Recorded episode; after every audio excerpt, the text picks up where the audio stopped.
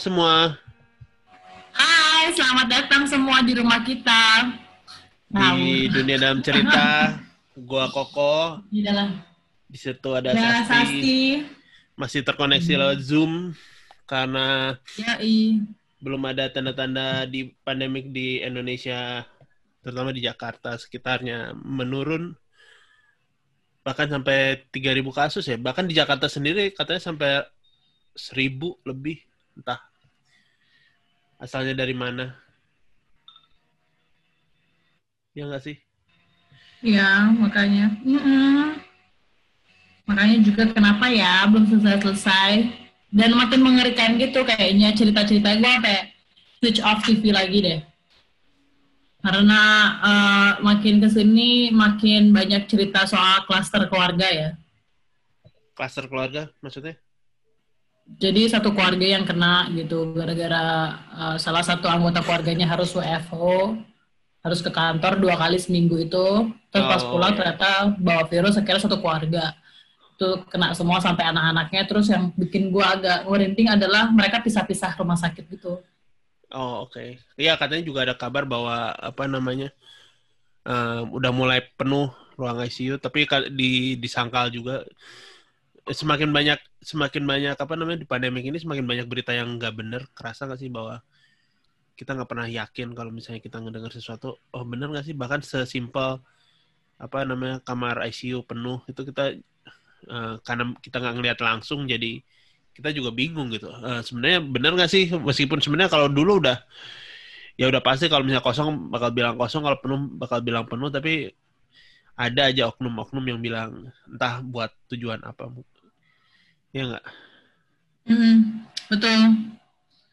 Lagi banyak yang ributnya, apa infodemik ya, banyak orang yang bebas mengeluarkan apa ya. Tapi gue masih penasaran sih, kalau gue lihat eh, laporan dari cyber kreasi atau laporan dari kominfo soal jumlah hoax gitu, gue nggak berpikir orang-orang itu punya banget ya waktu luang buat bikin hoax ya.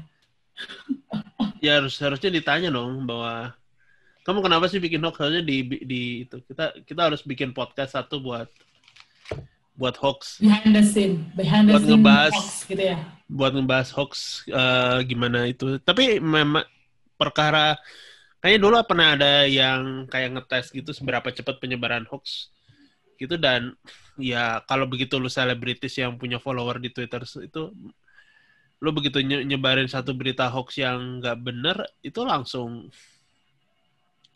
langsung menyebar ke mana-mana ya sih Yep.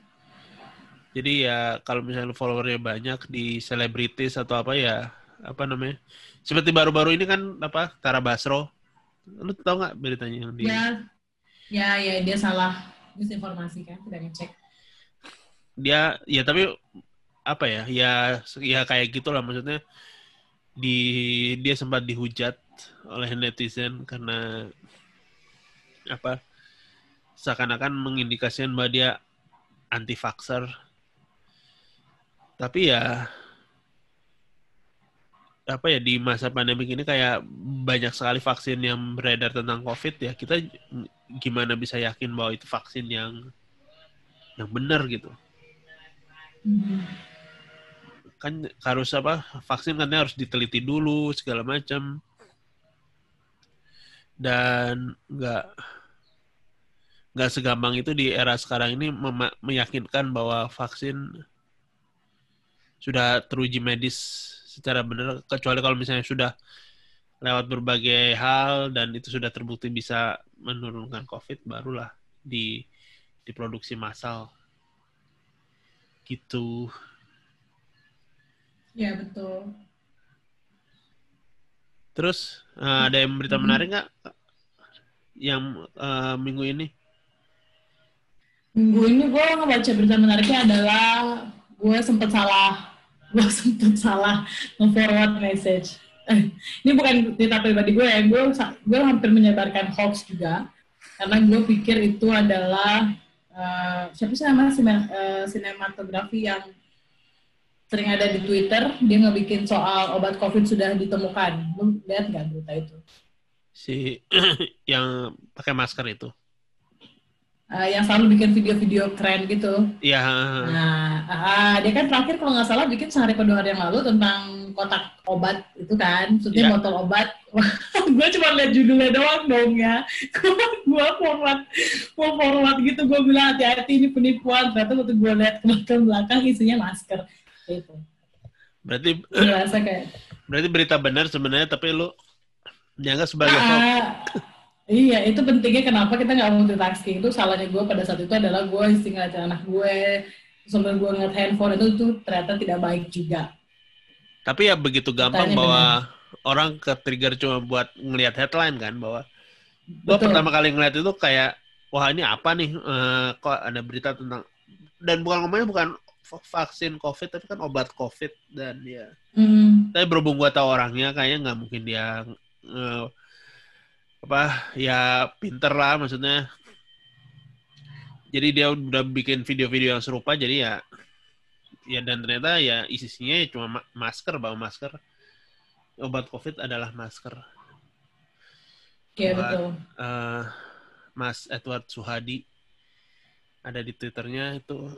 Ya berapa menit em, untuk menganjurkan pemakaian masker karena ya entah orang semakin rileks semakin nyantai em, masang masker juga makin lama makin turun beberapa gue lihat sekarang hidungnya nggak ketutup dan segala macam Hmm, kadang-kadang juga hidungnya tuh pada melorot gitu loh kok.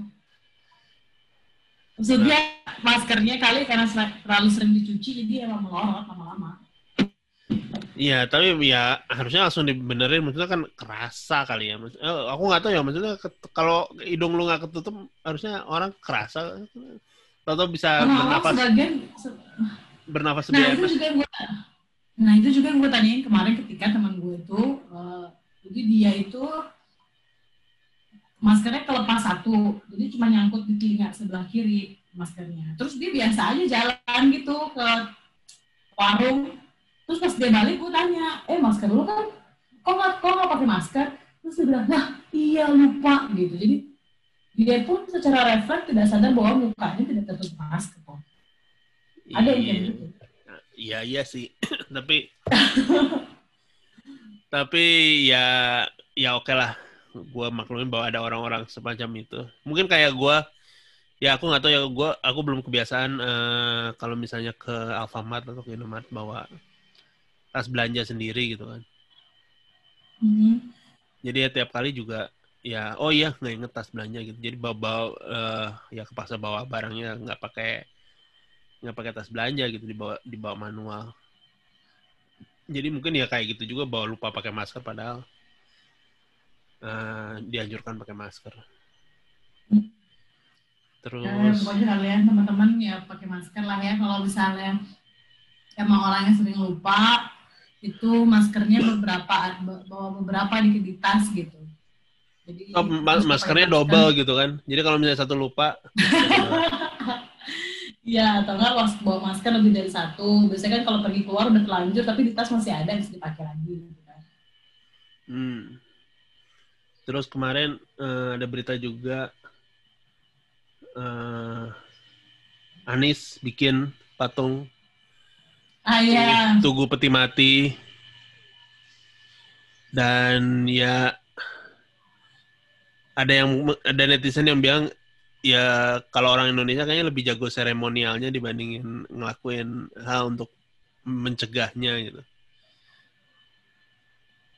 Kita nggak, aku nggak nggak tahu apakah akan kalau misalnya memang efektif untuk mengingatkan orang eh, akan bahayanya corona, gua salut lah. Maksudnya ya emang itu ternyata berguna gitu. Tapi kalau misalnya sekarang jadi kelihatan bahwa cuma cuma apa ya, cuma sesuatu yang bisa masuk berita, tapi habis itu udah nggak ada lagi eh, tindak lanjut corona ya sama aja gitu. Kasus masih tetap banyak dan ya akhirnya ya, ya setelah beberapa lama mungkin akhirnya udah lupa aja gitu ada tugu itu untuk reminder tentang bahaya Iya. corona.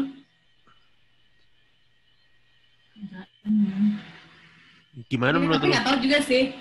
gue uh, gue ini bukan kejadian pertama gue agak bingung sama sikap pemerintah ya maksudnya gue sebagai rakyat biasa gue bingung gitu ketika misalnya ada di satu daerah yang bikin ikatan pasien yang sembuh covid kayak peresmian organisasi baru gitu. Terus sekarang kita ngelihat pembuatan patung. Uh, gue masih ngebaca itu sebagai bentuk simbolik ya. Hanya simbolik. Sedangkan kan gue nggak tahu simbol itu bisa mudah terlupakan sih ya. Iya. Hmm, dan dan, just, dan justru sekarang kalau misalnya pemerintah malah ngelakuin manuver-manuver kayak gitu kita jadi makin bingung nggak sih? Jadi makin nggak trust nggak percaya. Terus akhirnya gue membayangkan efeknya adalah karena kan kita nggak tahu ya kalau berita-berita model kayak gitu kan pasti bahasannya banyak kan ya. Bahasannya banyak terus pasti cepat banget berkembang beritanya gitu. Akhirnya hmm. banyak orang makin nggak trust sama pemerintah akhirnya nggak nurut untuk misalnya tetap diam di rumah pakai masker itu nggak nurut. Iya. Yeah. emang udah nggak percaya sama pemerintahnya. Iya sih ya. Ya kita lihat aja masih kayaknya bakal masih panjang cerita Indonesia dengan uh, COVID dan ya kemarin juga apa yang heboh yang terkait kata anjay Anjay. Yay. Itu aku nggak jelas sih, maksudnya aku nggak baca beritanya, aku langsung ke itu. Uh, apa ya? Katanya ada ada youtuber yang ini ya. Oh, oh siapa gue lupa namanya siapa? Anaknya, pokoknya pacarnya Iis dari anaknya Iis dan dia gitu. Yang ngelaporin si Rizky Bilar ya. Dia melaporkan melaporkan Rizky Bilar katanya sering menggunakan kata anjay. Coba Mas PA ya, bukan KPAI guys.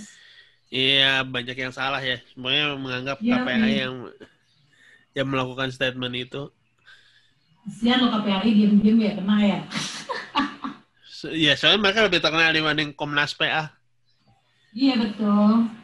Dan eh, apakah kayak jadi menunjukkan ini apa nggak sih bahwa memang terlalu banyak lembaga di Indonesia ada Komnas PA ada KPAI yang bedanya apa sampai sekarang gue masih belum tahu Komnas PA itu kan eh, yang buat lembaga swasta kan pemilikan swasta kalau Komnas apa KPAI itu kan memang lembaga negara gitu. Oh oke. Okay. itu dan ya nggak tahu ya maksud gue tuh itu cukup kayak menjadi distraksi sih. Iya dan nggak nggak penting juga sih beritanya. Banyak kata-kata yang lebih kasar daripada anjay dan apakah hmm, karena itu jadi mau. itu udah udah gini kan uh, maksudnya kata umpatan itu udah jadi zaman sejarah kali. Sejak zaman Majapahit pun kalau kita baca sejarah gitu itu ada hukuman buat orang yang berani mengumpat seorang raja atau istana ya tapi kan berarti kita sudah bisa baca bahwa sejak zaman dulu memang orang Indonesia pun sudah melakukan umpatan-umpatan gitu, sudah mengumpat. Uh, dan ya lumayan juga sih bahwa apa ya untuk sementara orang jadi memperhatikan kata anjay lebih dari biasanya.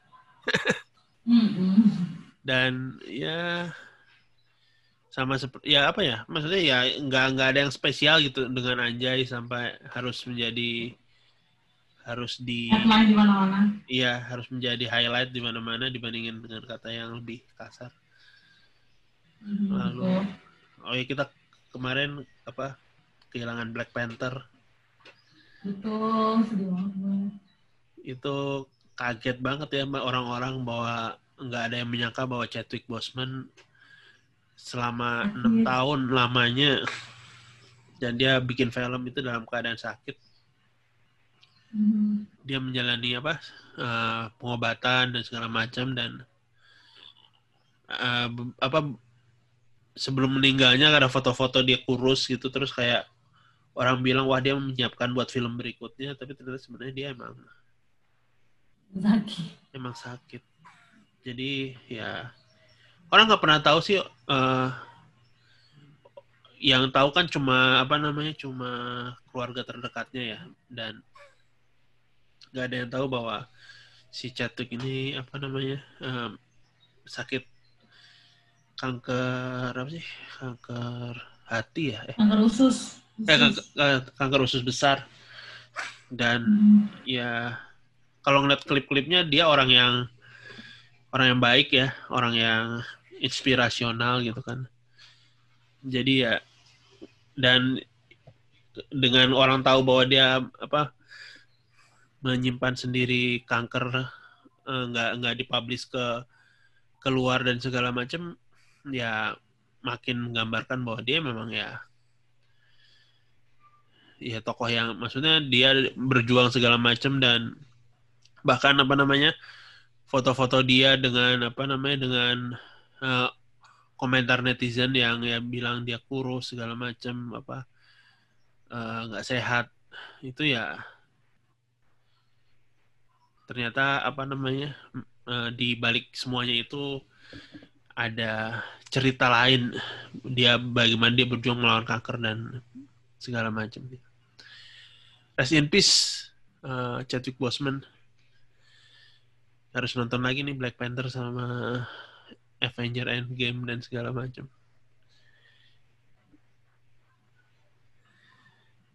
ada lagi nggak dari tempatmu yang menarik perhatian? Aku tidak banyak yang menarik, tidak banyak menarik diriku pada pada informasi ya. Sampai pagi ini menemukan bahwa karena kan aku tuh suka berkebun iya. Ya kan suka ngoleksi tanaman gitu kan. Terus kaget karena dapet info kalau monstera kecil yang kalau di sini harganya paling li- ada lima belas ribu gila lima belas ribu kita dapat monstera kecil untuk untuk yang Hmm. anakan ya yang kita Hmm. bisa nanam. Ya. tapi kalau di luar negeri tuh harganya 76 juta bro. Oh oke. Jadi karena dibilang itu tanaman langka ternyata. Untuk mereka di sana itu gue di Selandia Baru apa di mana ya itu dihargai Hmm. tiga lima ribu tiga ratus US dollar. Alias tujuh puluh hampir tujuh puluh tujuh juta lah. Iya, iya. monstera yang di Indonesia itu harganya lima belas ribu.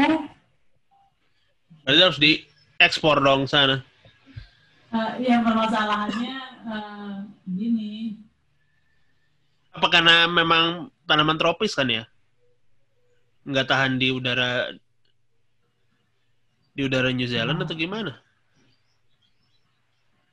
mungkin karena susah ngirimnya kali ya Iya nggak sih susah Bayangin monstera. Gimana ngirim monstera? Harus dilipat itu gimana? Perizinan juga susah sih masuk ke sana. Gue belum pernah ke Australia, tapi ada sempat cerita kalau ke Australia itu bahkan kita bawa apa namanya potekan-potekan daun atau bibit-bibit itu tuh nggak boleh sembarangan keluar dari sana. Masuk pun tidak sembarangan gitu. Terutama untuk apa namanya tanah-tanah sepatu yang bisa mungkin merusak perkebunan mereka, petani mereka itu nggak nggak bisa dibolehkan. Kalau di Indonesia Oh, mah bebas ya. Ya, Kayak Cina pada- kayaknya di Indonesia mah semuanya santai-santai aja Oh, seru banget Indonesia karena mungkin nggak tahu ya. Kayak misalnya kita nggak tahu kelor. Kelor ternyata itu eh, adalah superfood yang sampai di luar negeri itu dicari-carinya luar biasa berjuta-juta harganya gitu kan dalam kelor. Iya. Sama kayak misalnya tanaman apa ya, gue di sini bilangnya kalau di Bali namanya pidu gitu, di sini namanya apa ya? Oh tanaman yang biasa tumbuh kalau lu jarang motong rumput, oke nah, itu juga ternyata obat cancer. Ah, Tapi kemudian nggak di nggak diolah dengan baik di Indonesia. Itu sempat diambil penelitiannya, hak patennya udah diambil sama Cina. Tapi terbukti cancer nggak atau cuma kayak obat ibu gitu yang Obat-obatan. di bagian gue nggak tahu sih, tapi gue dengar tuh dari obat-obatan nenek yang kayak bawang merah dan segala macam Hmm, apa udah Ya, diuji tapi- medis bahwa oh ya memang menyebabkan banyak kok yang udah diuji medis di LIPI, LIPI-nya kita ya. Ya. Kayak misalnya tanaman tadi pidu itu pegagan, pegagan namanya di sini. oh, Terus kayak kulit kulit kerang yang bisa untuk obat penyakit kanker juga. Bagian ya bukan gue bilang kulit kerang lo makan atau jadi obat tiba-tiba langsung menyembuhkan enggak, tapi bagian untuk proses penyembuhan kanker. Iya, Oh. ya emang kalau misalnya kalau misalnya keragaman apa tumbuhan dan fauna gitu mungkin Indonesia lumayan tinggi ya, maksudnya tanaman-tanaman yang sebelumnya belum pernah ditemukan mungkin akan ditemukan di Indonesia tapi ya tinggal kita gimana menjaganya dan apa namanya ada orang bilang ya terancam oleh perkebunan sawit kan ya. Tinggal Indonesia mau merawat keragaman tumbuhan itu atau atau enggak? Hmm, betul. Di, apa namanya keragaman hayati keberagaman hayati kita tuh keren banget tapi kita kadang-kadang tidak mengetahui tidak menjaga itu dengan sangat baik iya dan jadi begitulah cerita menarik kita di minggu ini uh, cekupnya di kulkas tengahnya oke okay. buat gua aja deh nanti kalau di ya tipis di atas di bawah ininya ini kan udah ketemu tuh gambarnya. Oke. Okay. Sorry, dipotong aja nanti. Istriku. Uh, jadi ya itu kita mulai dengan cerita kita minggu ini. Kita mau cerita apa, Sasti? Kita mau cerita tentang sebenarnya kita sudah sering banget ngomong tentang nama ibu ini. Terutama orang yang sudah mulai punya anak, pasti sudah mulai berkenalan lah. Ya. Nama-nama Montessori. Montessori method. Sekolah Betul. Montessori juga, tapi uh, gua gua baru tahu bahwa itu sebenarnya nama orang, gua kira nama metode gitu kan. Iya betul, itu nama metode sih, tapi kemudian asalnya dari orang yang menciptakan metode Montessori. Kalau kita kalau kita misalnya kita mulai punya anak umur setahun di bawah setahun kita pasti sudah mulai kayak baca-baca buku pengenalan balita bayi tentang metode Montessori gitu misalnya kan. Tapi kalau misalnya dulu di awal-awal gue nggak tahu ternyata metode Montessori itu bisa diterapkan sampai orang tuh besar juga. Maksudnya tidak terbatas usia pada usia anak kecil aja gitu. Tapi memang paling bagus diberikannya kepada pada anak-anak kecil gitu. Jadi Oh. hari ini kita akan cerita soal uh, Montessori. Ya, karena apa di masa pandemik ini banyak juga orang tua yang berjuang untuk mendidik anaknya kan ya. Dengan Betul. sekolah online dan segala macam. Mungkin Ya, ada yang berpikir sekolah Montessori juga segala macam. ya, jadi ya, untuk ya supaya leb- apa kita juga ngikutin tren c ya ngikutin tren ngikutin apa yang terjadi saat ini ya kita eh, kita dengarkan cerita Sasti terkait Montessori ya betul. Jadi uh, metode Montessori itu emang identik banget sama anak-anak. Jadi gimana caranya metode itu membiarkan anak-anak punya kebebasan untuk belajar dan kemudian mereka pakai banyak uh, medium audio dan visual, medium gerak bebas untuk kemudian ngerti apa sih yang lagi terjadi di dunia ini, apa sih kalau mau belajar sains seperti apa. Nah, di balik kehebatan Montessori ada seorang tokoh bernama Maria Montessori yang menciptakan metode belajar ini. Jadi kalau kita kenalan sama Maria Montessori ini ceritanya adalah sebenarnya beliau itu perjalanannya cukup apa ya, cukup zigzag sih menurut gue. Gue agak pas baca biografinya agak kaget. Oh ternyata Maria Montessori pernah sekolah di sekolah teknik, terus kemudian akhirnya kuliahnya kuliah kedokteran gitu. iya. Jadi gue, jadi gue melihat mungkin itulah kenapa akhirnya Maria Montessori juga secara background ketika mengembangkan metode Montessori itu banyak menggabungkan dua hal itu sih, teknik kemampuan pada saat mengolah teknik dengan uh, pengetahuan kedokteran Maria Montessori. Tapi kalau cerita soal Maria Montessori, dia itu menghabiskan banyak banget uh, waktu anak-anaknya itu di Italia, tepatnya di Chiara Valle itu di sana dia memang hidup sama kedua orang tuanya dan orang tuanya memang mendidik dia itu secara disiplin banget. Bekal dia itu pada saat umur lima tahun akhirnya mereka pindah ke Roma dan di Roma kemudian ceritanya menurut sejarah yang ada si Maria Montessori ini emang unggul sendiri daripada teman-teman dia yang lain. Dan akhirnya karena keunggulannya itu dia bisa masuk sekolah eh, di sekolah teknik kemudian dia bisa belajar kurikulum umum kayak misalnya bahasa Prancis, sejarah, geografi, matematika, pengetahuan alam dan dia pun sangat berprestasi di sana. Sehingga eh, di awal tahun eh, 1890 Maria Montessori ini kemudian melanjutkan sekolahnya di kedokteran. Dan dia ternyata adalah orang pertama yang eh, memperoleh gelar dalam bidang kedokteran. Jadi karena saking pinternya kali ya dari kecil ya. Orang pertama yang memperoleh gelar kedokteran sebelumnya memang belum ah, di, eh, wanita Italia pertama. Ya. perempuan pertama Italia yang memperoleh gelar kedokteran. Jadi saking pintarnya dia, memang dari kecil akhirnya dia berhasil seperti itu uh, memperoleh apa namanya gelar kedokterannya dia, gelar dokternya. Ya. Kemudian setelah dia lulus, dia uh, tertarik buat mempelajari anak-anak sebenarnya kok. Jadi dia banget belajar membantu anak-anak yang memang punya kesulitan belajar. Terus kemudian makanya kenapa dia tadi gue bilang dia mempraktekkan ilmu kedokterannya itu lebih ke gaya taktis pendidikan gitu ya, ngelihat gimana sih uh, dia menggabungkan beberapa misalnya menggabungkan antara teori John Marx Garpart Pittard yang memang dia itu ilmuwan dari pendidik juga di Italia sana yang mempelopori penggunaan rangsang sensorik terhadap orang-orang yang kesulitan belajar. Jadi kenapa dia ada rangsang sensorik kemudian di, di Montessori kan? Terus kemudian Oh, dia juga berarti semang- berarti sebenarnya eh, apa Montessori ini sebenarnya metode buat anak menggabungkan yang susah belajar gitu ya? Kalau Hmm, juga. kalau di awal-awal kayak begitu sih, tapi sekarang akhirnya dipakainya bukan buat anak-anak bisa belajar doang kan, tapi hampir di semua anak-anak kan, Iya, bahwa ya, merangsang. ya bukan bukan iya maksudnya a- apa ya kalau misalnya orang bilang Montessori kan kayak apa metode yang nyeleneh ya. Maksudnya nggak bukan masuk kurikulum kurikulum normal pada biasanya sekolah-sekolah tapi ada sesuatu yang spesial yang dibawa oleh Montessori gitu kan. Kalau nggak yang aku Betul, tangkap betul. selama ini kalau kedengar kata Montessori gitu kan ya. Dan apa ya eh bisa dibilang bahwa di terutama di Indonesia bahwa metode Montessori itu identik dengan mahal kan Iya betul, baru gue mau bilang tadi.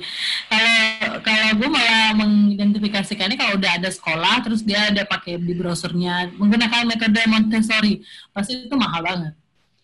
Mungkin pandangan gue kenapa mahal karena alat-alatnya mahal kayaknya. Kalau gue Alat- lihat kayak alat-alat belajarnya, Oh, jadi pakai alat belajar gitu ya pakai alat, pakai alat belajar. gue ngeliat tuh banyak banyak apa namanya permainan permainan ketika belajar angka mereka harus punya papan huruf banyak terus kemudian harus punya pasir gitu terus punya walaupun sebenarnya gue pernah ngeliat si Mont- Montessori yang ada di rumah kan ada beberapa website yang kasih rekomendasi soal Montessori di rumah kan Iya. itu bisa pakai bahan-bahan makanan di rumah kayak kacang hijau atau beras apa namanya itu biji beras terus pokoknya barang-barang yang ada di rumah nggak harus beli gitu. cuman karena gue lihat memang Montessori lebih banyak ke sistem motorik rangsang Oke. sensorik gitu. Ya ya Nah, ya, ini kalau gue lihat masuk akal sih dari sejarah ini karena Maria Montessori memang dia belajar eh, beberapa keilmuan yang lain dari per- eh, ilmuwan yang lain gitu. Misalnya kayak dari dari Prancis, sorry dari gue salah, harusnya dari Prancis itu Jean Marc Garpart Itard itu yang memang ngomong soal rangsang sensorik, mungkin melihat langsung kan melihat gitu kan dengan sensorik dan juga mera- meraba dengan sensorik. Kemudian dia juga eh, mencampurkan pengetahuan dia itu dengan punyanya Edward Sequin itu Edward Sequin itu ilmuwan yang dalam sejarah itu memang melihat bagaimana kegiatan fisik itu merangsang kemampuan siswa untuk membaca dan menulis. Makanya kalau ngelihat Montessori itu kalau belajar tulisan kadang-kadang dia tuh mainnya di pasir. Oke Misalnya belajar menulis S, berarti dia nulisnya di pasir dengan tangan dia merasakan pasir berbentuk S. Jadi itu sih akhirnya apa, Maria Montessori ini mengembangkan. Oh ternyata dia ada sensorik, ada motorik yang digabungkan untuk kemudian membuat eh, suatu materi pendidikan yang bisa membantu anak-anak. Zaman dulu anak-anak yang kesulitan belajar, tapi zaman sekarang diterapkan kan hampir di semua jenis anak-anak kan ya dan yang yang bisa mengakses itu. dan katanya ya aku nggak tahu ya eh, mungkin eh, teman-teman yang ngedengar juga bisa bisa cerita kalau misalnya dulu dididik secara Montessori atau atau kenal gitu ponakan atau anaknya yang kena apa yang dididik secara Montessori apakah apa namanya kemajuannya lebih pesat dibandingkan yang apa namanya dididik dengan cara biasa. Nah itu aku ya dengar-dengar cerita memang seperti itu, tapi ya uh, first hand experience ya aku nggak tahu ya mbak, mbak apakah seperti itu gitu. Ya. Makanya ketika ya gue gue juga belum lihat sih gue bukan tipikal orang tua yang dari kecil mendidik anak gue harus Montessori atau harus pendidikan ABC gitu nggak gue gue ngelepas ngelepas anak gue dengan dia belajar dengan apa yang ada di sekitar dia kan Iya. Ya, dan nggak harus jadi gue nggak tahu mungkin ada beberapa orang teman-teman yang denger ini bolehlah cerita ntar kira-kira gimana hasil dari Montessori ini. Em, balik lagi ke cerita bahwa Maria Montessori ini memang kayaknya orangnya suka banget belajar ya Oke. jadi setelah lulus, setelah dia mengkombinasikan berbagai macam keilmuan, akhirnya dia ngambil lagi kuliah di Universitas Roma tentang pedagogi, ilmu tentang mengajar, dan antropologi. Jadi di sana banyak banget belajar soal topik-topik yang memang hmm, fokusnya adalah pengasuhan dan pendidikan bagi anak-anak yang mengalami cacat mental. Nah, Oke. akhirnya setelah setelah itu setelah dia belajar nih dari tahun 1897 sampai 1898 akhirnya di tahun 1900 Maria Montessori berhasil menjadi kepala sekolah di ortoprenik namanya Institut untuk buat guru-guru. Nah, di situ dia mulai masukin tuh pelajaran Montessori-nya dia. Gimana cara bisa memanipulasi uh, proses belajar, memberikan rasa sensorik, dan mengatasi kesulitan belajar. Tuh. Akhirnya setelah itu tujuh tahun setelah dia jadi kepala sekolah di situ dia akhirnya punya sendiri. Sekarang namanya rumah anak-anak Casa de Bambini. Itu tuh juga kayak gue ngebacanya sih kayak tempat penitipan anak ya jatuhnya ya. Oke. Tempat penitipan anak di San Lorenzo Roma. Dan tempat ini tuh banyak ngasih anak-anak eh, anak-anak yang dititipin di situ itu dirangsang sama pelajaran Montessori. Iya. Mm-mm. Dan akhirnya pe- perlahan-perlahan metode belajar dia sampailah ke Amerika kan. Pada saat ke. Amerika ternyata banyak kritik gitu kayak kritik lo tadi. Ini kok pelajarannya ngawur sih? Anak-anak dibebasin gitu aja sih. Terus gimana kok anak-anak jadi kayak brutal gitu sih? Karena kan terbiasa belajar itu ada sistemnya ya. Ada sistemnya, ada keharusan A, B, C gitu. Tapi kalau Montessori kan dibiarkan bebas anak-anak. Ya, tapi kan mereka pasti ada strukturnya dong, masuk nggak nggak nggak jadi brutal seperti yang dibilang Hmm. oleh Sebenarnya masih gitu. ya. Soalnya kalau misalnya orang yang benar-benar menetapkan Montessori ya, kalau menurut aku apa namanya orang-orang yang yang eh, lebih lebih apa namanya lebih keren lah maksudnya soalnya kan eh, pendidikannya juga lebih lebih baik harusnya memang lebih baik ya kalau pendekatan Montessori ya.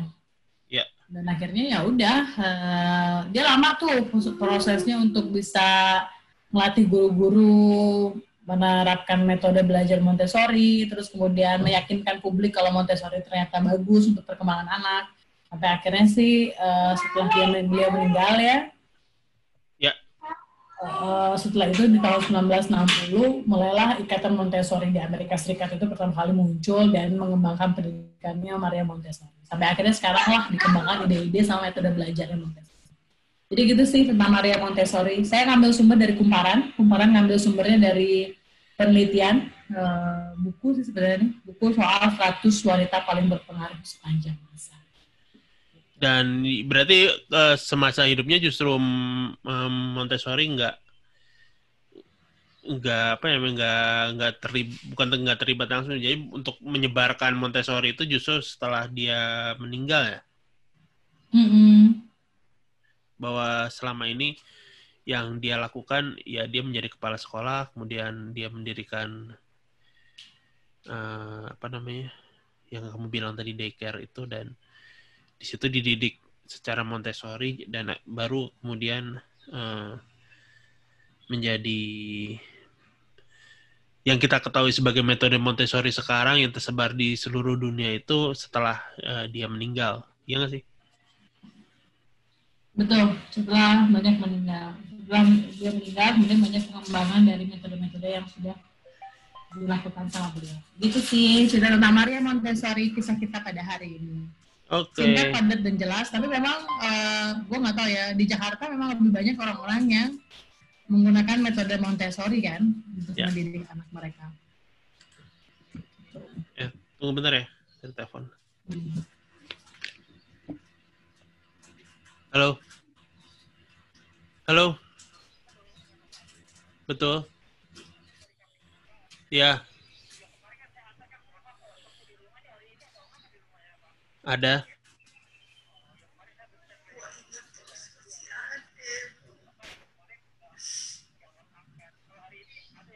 Ada, ada. Baik.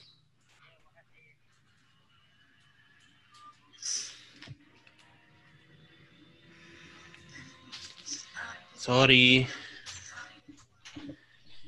Ya, eh, ya jadi demikian lagi sama Maria Montessori yang in- inspirasional untuk mengembangkan metode Montessori beliau. Kita ini udah episode berapa ya, Sas? Kayaknya udah banyak banget. Kita Udah bikin. episode ke-18.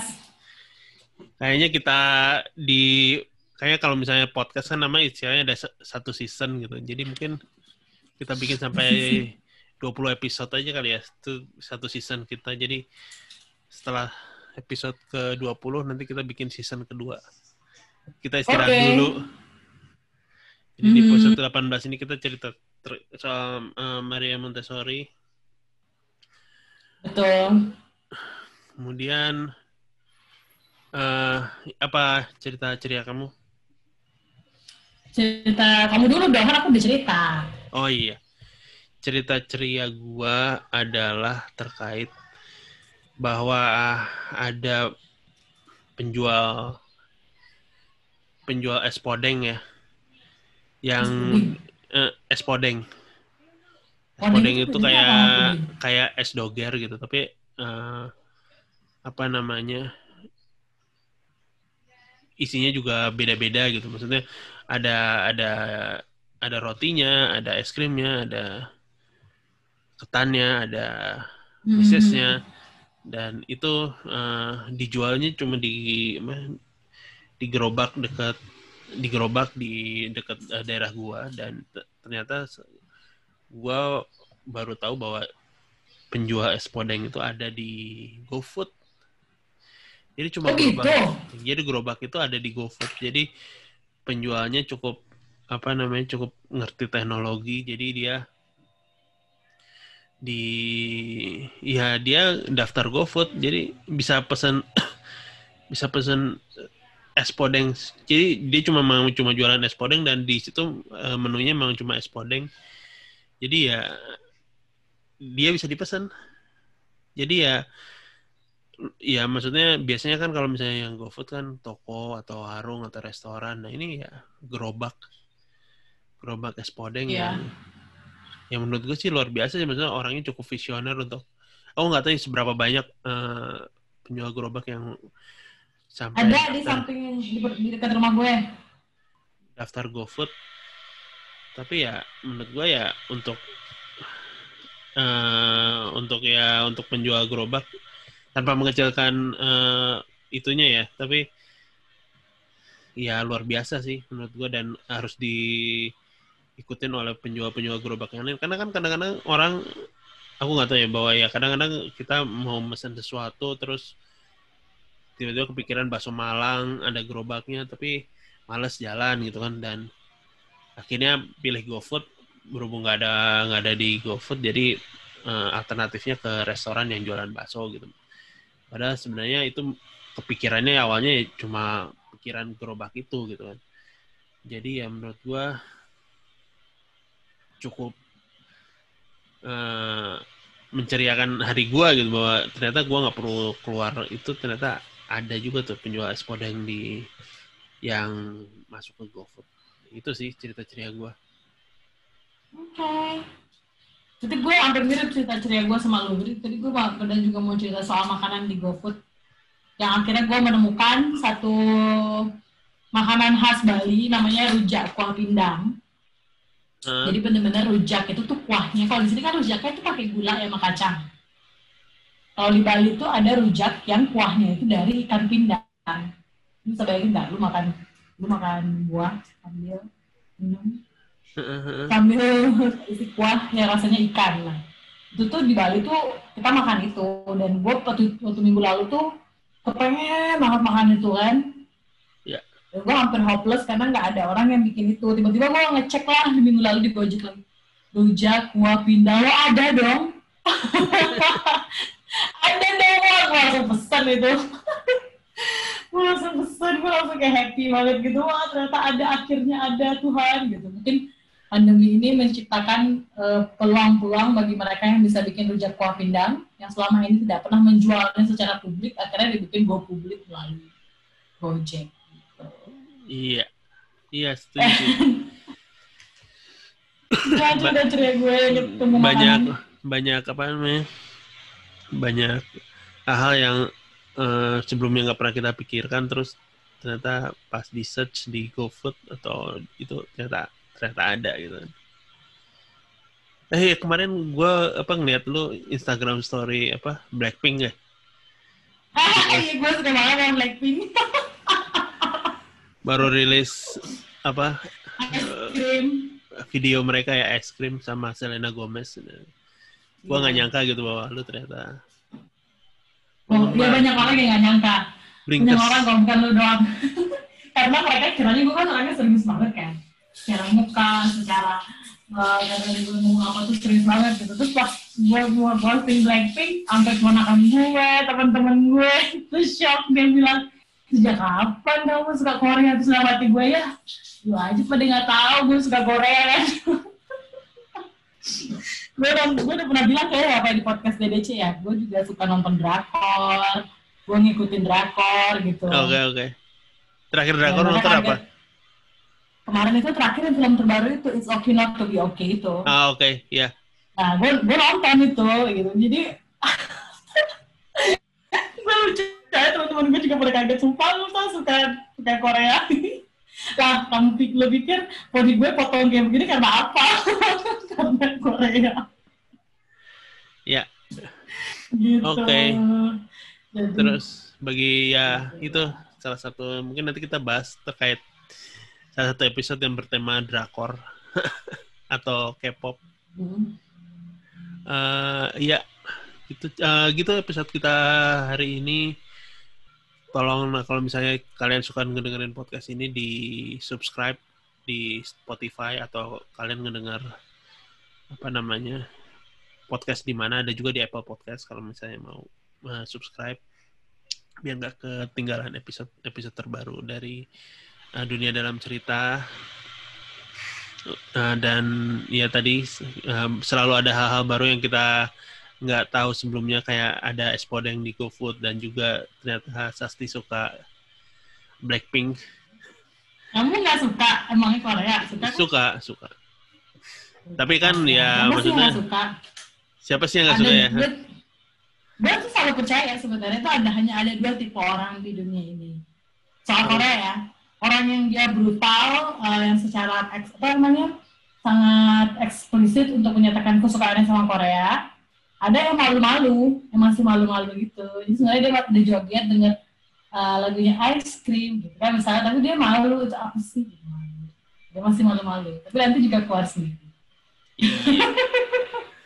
bener sih maksudnya ya K-pop kan industri yang memang apa namanya bisa Mhm. didukung pemerintah kemudian ya emang gede sih dan ah, bertahun-tahun ini sejak ada ada BTS eh, makin lama kan makin besar aja kan bahwa semakin banyak orang yang mengenal tentang tentang K-pop ini gitu industri K-pop ini Tuh, BTS juga lagi bagus kan lagunya Dynamite terakhir. iya tuh memecahkan rekor Ya, apa betul. viewing YouTube atau apa gitu kalau. Hmm, terbesar. Jadi ya, gua gua selalu berpikir bahwa even nanti suatu saat misalnya ternyata ada dangdut waves gitu kan, Indonesian wave yang musiknya dangdut gitu, dan banyak orang yang suka, menurut gue itu adalah sebuah bentuk peradaban ya, perkembangan peradaban. Jadi di- di- diterima dengan gimana ya happy happy aja, nggak usah terlalu banyak sinis dan dan kayak dengkinya gitu. ikutin aja akun Koko untuk belajar jadi happy happy setiap hari. Oke. Wah, gue promo loh. ya gitulah. Oke, ya. Baiklah teman-teman. Baiklah teman-teman, sampai episode berikutnya teruslah berkarya. Dan ceritakan dunia, Bu.